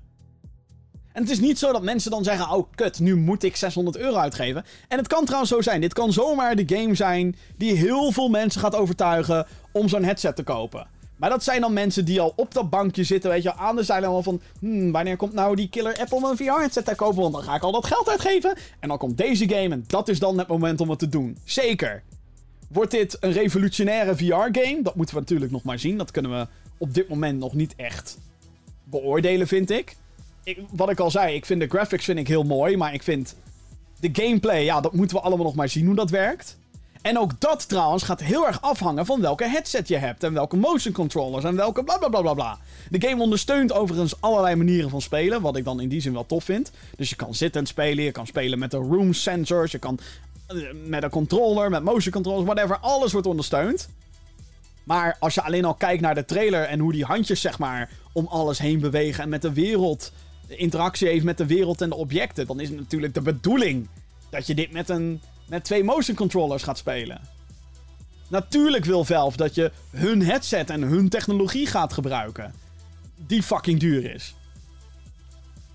En wil, wil je dat niet? Wil, wil je een reguliere Half-Life game? Ja, dan, dan, dan wordt dat natuurlijk nog even wachten. Maar de, wat ik al zei, de, de, de zoutige reactie vanuit de VR-community op het feit dat mensen teleurgesteld zijn dat dit VR is. Ik snap, ik snap echt niet waarom je, en, en, het is zeg maar dat, dat. Alsof je olie op het vuur gaat gooien, zeg maar. Oké, mensen zijn al. Uh, en, en het is niet zo dat die VR-mensen niet blij mogen zijn. Dat zij. Um, dat zij nu een, een hopelijk een vette Half-Life game krijgen. Weet je wel? Gaan jullie het spelen? More power to you. Laat me vooral weten hoe het is. En als het te gek is, top, weet je wel. Cool. Maar weet wel dat de mensen die dit gaan spelen. is een heel klein gedeelte van wat het potentiële publiek is. En wat de Half-Life fanbase is. En wat de Steam userbase is. Wat ik net al zei. 45%, slechts 35% van de gebruikers van Steam, volgens een eigen survey, zijn op dit moment, hebben op dit moment een videokaart die dat ding kan draaien. Dus als ze de videokaart al niet eens hebben om dit ding te draaien, laat staan een VR-headset erbovenop. Weet je wel? En, en nogmaals, als mensen VR-games willen maken, ga je gang. Weet je al, doe het. Want de VR. De VR-line-up heeft meer games als dit eigenlijk wel nodig. Alleen is het logisch dat als je een franchise pakt. Die al weet ik hoeveel jaar niet meer is geweest. En je gaat dan het, het potentiële publiek voor die nieuwe game. Ga je zo erg beperken. No shit dat mensen dan pissed off zijn. Het is alsof Nintendo straks gaat zeggen: hé hey jongens, F-Zero komt terug. Holy shit, maar dan wel alleen voor Nintendo Labo karton. Maar goed, dat is dan. Dat wordt dan 80 euro of zo. Toch wel wat anders dan 150 of 400 of 600 of 8 of 1000 euro. Of... Ik heb echt weet ik hoeveel verschillende prijzen voorbij zien komen van hoeveel een VR-headset nou eigenlijk kost. Maar ik vond dat uh, aan de ene kant heel vermakelijk. Uh, om te zien hoe, hoe erg, zeg maar, die, die, die, die VR-community dit wil, dit wil koesteren. En ik snap het. Maar zij snappen dan niet dat zij ook misschien de andere, de andere kant van het verhaal moeten bekijken. En dat je niet VR-gaming met regulier gamen moet gaan vergelijken. Helemaal niet. Er zijn heel veel Half-Life fans die willen echt geen. Het maakt niet uit hoe vet het is. Het maakt niet uit hoe vet het is. Maar ze willen niet in VR spelen. Ze willen gewoon thuiskomen. Op de bank ploffen, controletje. Piep. Je PlayStation gaat aan je gaat spelen. Of je gaat relax achter je PC zitten en je gaat een game spelen. Dat is zo anders dan VR, waarbij je al die sensors moet neerzetten. Waar, waarbij je dat ding dan op je kop moet zetten. En dan, uh, werkt alles? Oké, ja, alles. Oh, wacht, motion controllers. Ja, werken die ook? Zijn die opgeladen? Oké, mooi. Dan kunnen we nu onze motion control gimmick game gaan spelen. Want dat is wat het op dit moment is. Ik durf te wedden dat 90% van VR-games bestaan op dit moment uit motion control gimmick games. Gaat Half-Life Alex tot die, uh, tot die 90% behoren? Ik denk het niet. Maar ja, het, het, het is. Weet je, eh, eh, leuk dat het er is. Logisch dat het er is, want Valve is de laatste jaren helemaal niet de traditionele kant op gegaan. Nou, helemaal niet met het maken van games. Dus ik had dit verwacht. Weet je wel, dat als er een nieuwe Half-Life komt, gaat het totaal niet worden wat we willen. Oh, hé, hey, kijk, daar zijn we. Het goede nieuws hiervan is... is dat het geen Half-Life 3 heet. Het is Half-Life Alex. Het is een prequel. Of nou een, een pre-sequel bijna. Dankjewel Borderlands voor het verzinnen van die naam. Maar het is niet Half-Life 3. En het feit dat Valve al heeft gezegd dat ze geïnteresseerd zijn om ook hè, de Half-Life franchise weer verder uit te gaan bouwen. Dat zegt mij eigenlijk al genoeg. Ze hebben nu deze, hier kunnen ze VR mee pushen, hier bla. En dan over een paar jaar, hopelijk, is het van: hey guys, raad is. Nee, het is geen Half-Life 3. Het is Half-Life 2 Episode 3 zoals het zou moeten. Verdomme. Maak die trilogie af. Dus. Mijn excuses. Ik moest even die rant houden. Over VR en dat soort dingen. Oké, volgende nieuwtje dan. Uh, oh ja, dit, dit, is ook zo interessant, jongens. Ik hou, ik hou van dit soort shit. De, de, de next gen die komt er natuurlijk aan. En dat kan alleen maar toffe dingen betekenen. Uh, Sony heeft namelijk een patent aangevraagd. Uh, op wat lijkt op de DualShock 5. Dit zou dan de standaard controller moeten worden voor de aankomende PlayStation 5, die in de winter van 2020 het licht zal gaan zien. Of althans, dat is de bedoeling. De controller lijkt niet veel te verschillen van zijn voorgangers, alhoewel er wel een aantal details te spotten zijn. Ja, mensen hebben dus ook al die patenten zeg maar naast elkaar gelegd van de, de New Application en wat nu de DS4 genoemd wordt, de DualShock 4. Oké, wat, uh, wat, wat zijn de verschillen? Nou, de, de, de, koptele de, ja, de koptelefoon-ingang aan de onderkant die lijkt uh, vervangen te worden door een USB-achtige ingang. Zo wordt al uh, gespot. Bovenop lijkt de mini-USB vervangen door een USB-C-ingang. En de uh, lightbar die is verwijderd. Wat al opvallend is. Dat, dat hele gekke lampje die verschillende kleurtjes kon, kon doen. De triggers, beter bekend als L2 en R2, die ogen groter op de nieuwe patenten van de DualShock 5. De grippoken zijn ook groter, waardoor het doet denken aan het Xbox design. Dus wat ik daarmee bedoel, dat zijn zeg maar die, die, het gebied van de controller, dat als je hem beet hebt met twee handen, waar je palmen op rusten, zeg maar. Ja, hoe moet je dat zeggen? Waar je, waar merendeel van je vingers eigenlijk, nou waar je pink en je andere vinger, waar die meestal zitten. Waar je gewoon je handen laat rusten. De onderkant van de controller. De linker en de, en de, en de rechter onderkant. Die lijken groter. Waardoor het dus veel meer weggeeft van een Xbox design. Omdat heel veel mensen klagen over dat de DualShock 4 in die zin te klein is. En als een soort babycontroller aanvoelt. Dus ja, ook lijkt de touchpad meer een vierkant te zijn dan uh, de voorganger.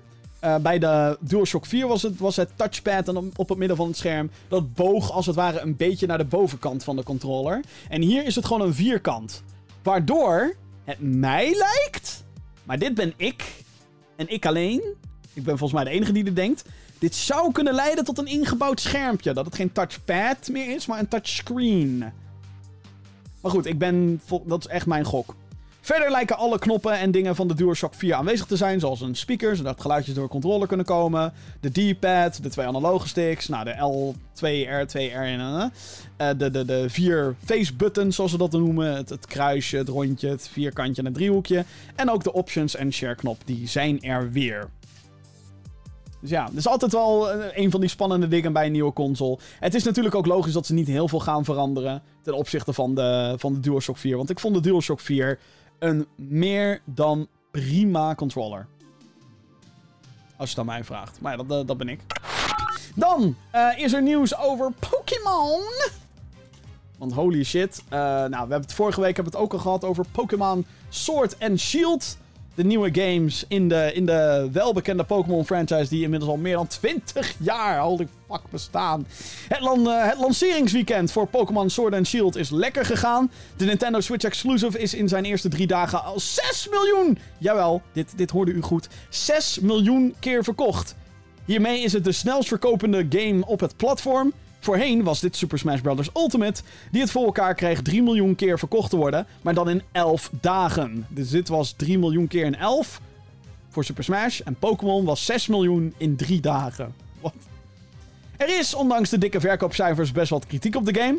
Zo ontbreekt meer dan de helft van oudere Pokémon, de National Dex. En uh, kan je ze dus op geen enkele manier spelen.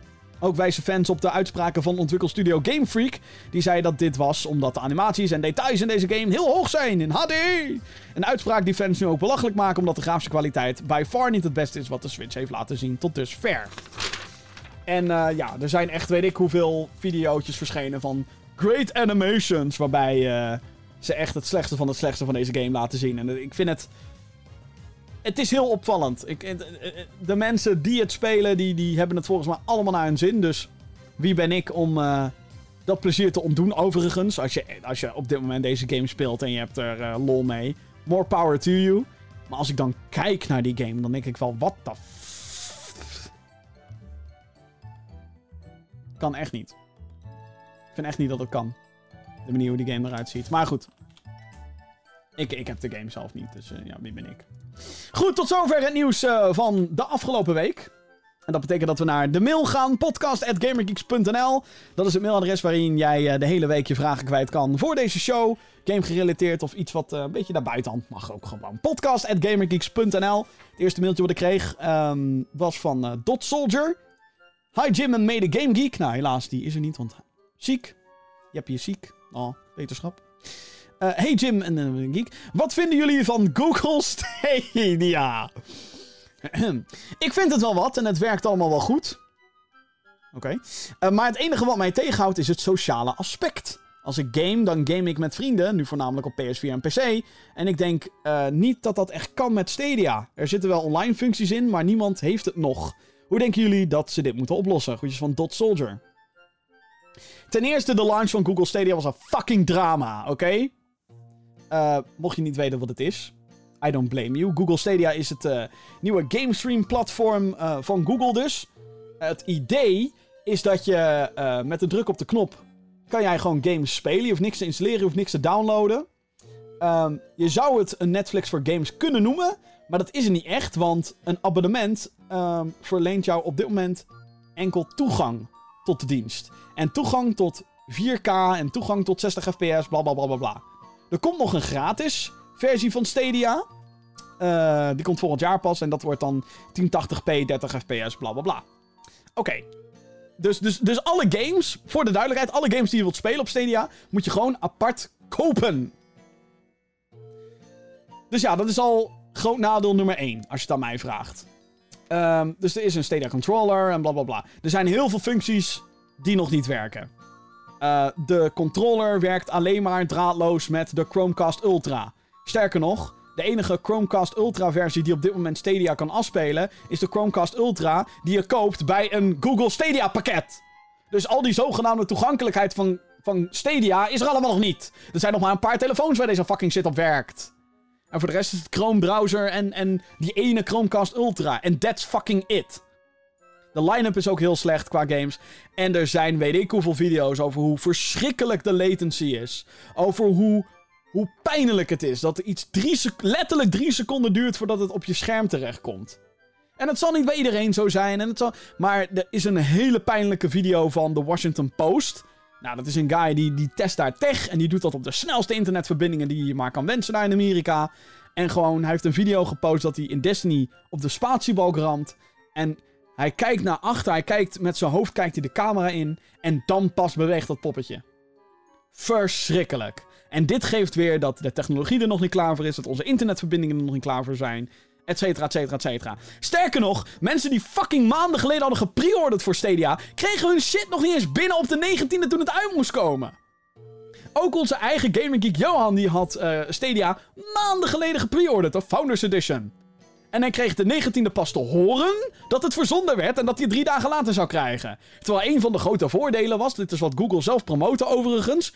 Een van de grote voordelen was dat. Um, hè, als je nu pre-ordert die Founders Edition, dan ben je een van de eerste die je nickname. Je kan je username dan al claimen. Dus dan kan je, als je een van de eerste bent, kan je daadwerkelijk Johan zijn op Stadia. Hoe vet is dat? Nou, dat gaat dus niet. Niet als je die shit drie dagen later krijgt, vriend. Dat. En er zijn heel veel controversies over de beweringen van 4K op Google Stadia. Let op, hetgeen waar je straks geld voor moet betalen. Hetgeen wat straks Google Stadia Pro moet gaan voorstellen. Het is namelijk zo dat Red Dead Redemption gewoon uh, volgens mij op 1440p draait op Google Stadia. En geupskilled wordt. En Op Destiny 2 geloof ik ook.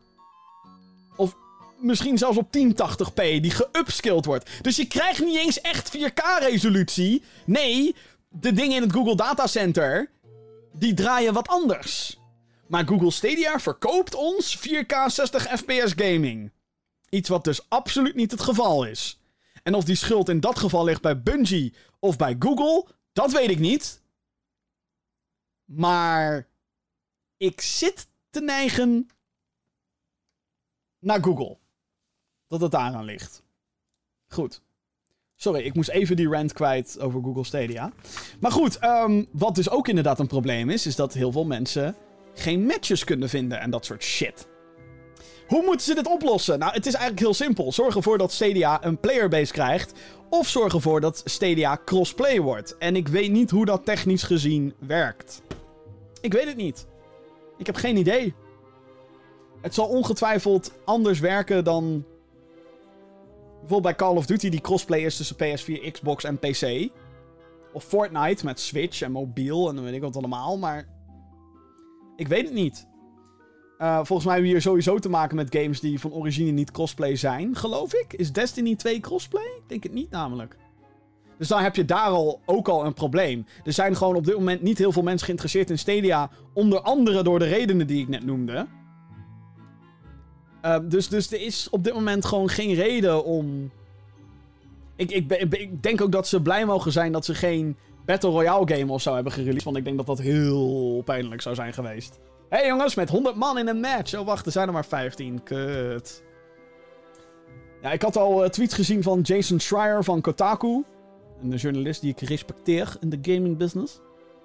Die had al uh, getweet over dat uh, het PvP in Destiny 2 op Stadia bijna onmogelijk is. Omdat hij gewoon geen match kan vinden. Dus dat is heel erg pijnlijk. Dus hoe moet Google dit oplossen? Heel simpel eigenlijk. Zorg ervoor dat je fucking servers niet zuigt. En dan komt er misschien nog wat uh, van. Maar. Hmm, geen idee.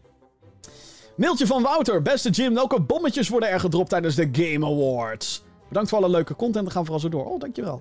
Um, ik heb geen idee, Wouter. Ja, ik weet dat uh, Gears Tactics komt dus in de show. En Ori. Uh, afgelopen jaren hadden we wel wat... Echt wel wat prominente dingen die aangekondigd uh, werden. Zoals Crash Team Racing bijvoorbeeld. Dat zou zomaar kunnen. Er was ook volgens mij een rumor gaande dat, dat Activision bezig zou zijn met een nieuwe Crash Bandicoot. Wat nou als ze dat droppen, Dat lijkt me tof. Um, misschien dat Nintendo een Smash character? Eh? Misschien? Eh? Weet ik niet. Uh, ik denk dat Nintendo dat eigenlijk... Nou ja, weet ik niet. Dat zou, misschien dat. Want er, moet nog één character zitten in de huidige Fighters Pass. Um, de laatste die is verschenen is Terry Bogard uit Fatal Fury slash King of Fighters. Dus dat. Uh, als ik, ja, daar, daar zou ik dan mijn bobbetje op zetten. Een nieuw Smash character. Maar ik denk dat er... Ik denk dat er echt nog wel wat toffe dingen aangekondigd gaan worden. Maar ik zou op dit moment echt niet weten wat. Dingen voor de Epic Game Store misschien. Um, ik, ik heb geen idee. Maar Jeff Keighley kennende gaat er wel wat uh, cools gedropt worden. Nou, weet, je wat tof zou zijn als THQ Nordic daar ineens komt met... Hey guys, de Timesplitters remaster, daar is die. Dan word ik helemaal para. Maar dat roep ik al sinds dat uh, E3 uh, de hoek om kwam kijken. En dat is inmiddels al een half jaar geleden. Hashtag sad. Bedankt voor je mailtje trouwens. Uh, mailtje van Ruben. Hey Jim, ik keek pas wat Assassin's Creed Odyssey reviews. En zag dat heel veel mensen het de slechtste game uit de serie vonden. Omdat hij te veel afweek van de andere games. Dus mijn vraag, wat vind jij daarvan? Dat Assassin's Creed Odyssey zo anders dan de andere AC-games is, vind je het erbij passen? En wat is jouw favoriete Assassin's Creed game? Ik vond Odyssey dus echt te gek. Um, ik vond het uh, indrukwekkend qua schaal. Ik vond de, um, de de wereld vond ik tof. Ik vond, ik vond heel veel dingen eigenlijk heel tof in die game. Uh, dat het afweek van Assassin's Creed, ja, dat was ook wel een van mijn kritiekpuntjes hoor. Dat ik zoiets had van: jongens, doe nou dat stealth even verbeteren of zo. Want het lijkt inderdaad nu helemaal niet meer op Assassin's Creed.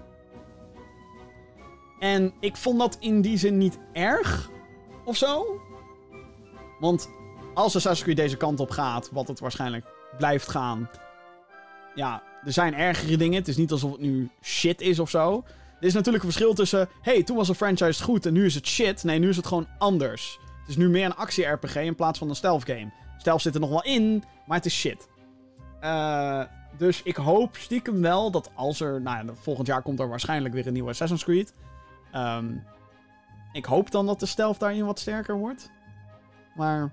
En het verhaal, het overkoepelende verhaal, mag voor mij wel weer allemaal wat, wat, wat sterker en wat meer gewaagder. En wat meer... Het probleem is, is dat iedereen, alles en iedereen wil nu heel erg politiek correct zijn en zo. En Assassin's Creed gaat natuurlijk over mensen die met hun. Uh, hoe noem je dat? Met hun bewustzijn, soort van terug de tijd ingaan. En daardoor die andere tijdperken mee gaan maken. En in de eerdere Assassin's Creed games merkte je dan dat, dat daar een beetje een twist op werd gelegd. Van, oh, gebeurde dit wel echt in de geschiedenis? Nee, het is zo gegaan. En dat was tof, weet je wel. Dat doen ze nou totaal niet meer. Dat komt ook door het tijdperk die ze doen. Uh, Odyssey was bijvoorbeeld in het oude Griekenland. Ja, daar kan je van alles en nog wat verzinnen. Je al, whatever. Maakt toch niet uit. Het is zo lang geleden, hoe is een fuck. Er is wel geschiedenis uit, uit die tijden natuurlijk. Maar dat kan allemaal we weten het niet echt. Weet je wel? Dus ja, dat zou tof zijn als ze weer een, een tijdsperiode pakken die wij. Um, die wij daadwerkelijk in, gedetailleerd in de geschiedenisboeken hebben staan. Zodat je daar een twist op kan geven. En is die twist dan onrealistisch? Natuurlijk, maar het is een videogame. So who cares? Mijn favoriete Assassin's Creed game is in ieder geval nog steeds Assassin's Creed 2. Beste verhaal. De, de evolutie van 1 naar 2 qua gameplay was echt fantastisch en ah, te gek spel. Nog steeds, denk ik. Ook weer 10 jaar oud, holy shit. Anyway, bedankt voor je mailtje. Uh, Jarne die heeft een mailtje gestuurd ook nog naar podcast.gaminggeeks.nl. Uh, wat denk jij over het gerucht van een nieuwe Crash Bandicoot door een PS promo trailer? Door het onbekende masker? Vraagteken. Dat heb ik allemaal niet gezien. Ik weet alleen dat er een rumor is weer dat er een Crash Bandicoot wordt aangekondigd. Um, natuurlijk gaat uh, Natuurlijk gaan ze met een nieuwe komen. Natuurlijk. Ik, ik, Crash Bandicoot, die, remaster trilogy, heeft het ontzettend goed gedaan. Die Crash Team Racing heeft het volgens mij ook heel goed gedaan. Nou, nu is hun oude materiaal wat als goed wordt beschouwd. Als algeheel geprezen. Daar zijn ze nu doorheen. Dus um, kom maar door. Ja, kom maar, kom maar gewoon met een nieuwe Crash Bandicoot, Jos. Leuk. Leuk. En als je nog die oudere meuk wil remasteren, ga je gang. I don't care. Ik vond Crash Twin Sanity eigenlijk nog wel leuk. En ik vond... Um, hoe heet die nou?